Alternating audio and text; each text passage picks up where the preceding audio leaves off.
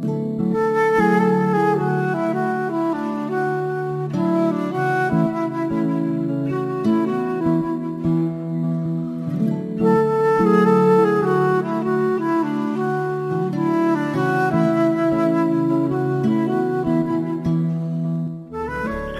fracking is a very simple process. Actually, we have in the Karoo millions of cubic meters of shale gas, which is trapped in tiny little pores in shale rocks. That's why it is called shale gas.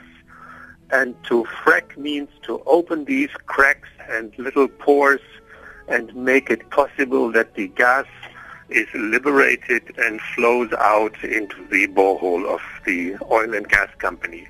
Duisende liters water word tydens hierdie proses gebruik en ek wil by Dr Stefan Kramer hoor waarvoor word die gas dan gebruik? Well, that is still not determined.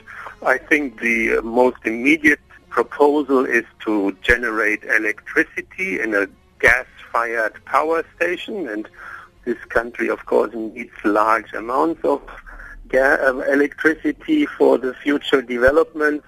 A more advanced proposal would be to liquefy the gas and use it for domestic purposes as a gas cooker and it can be used as a feedstock for the chemical industry for all kinds of chemical products including plastics.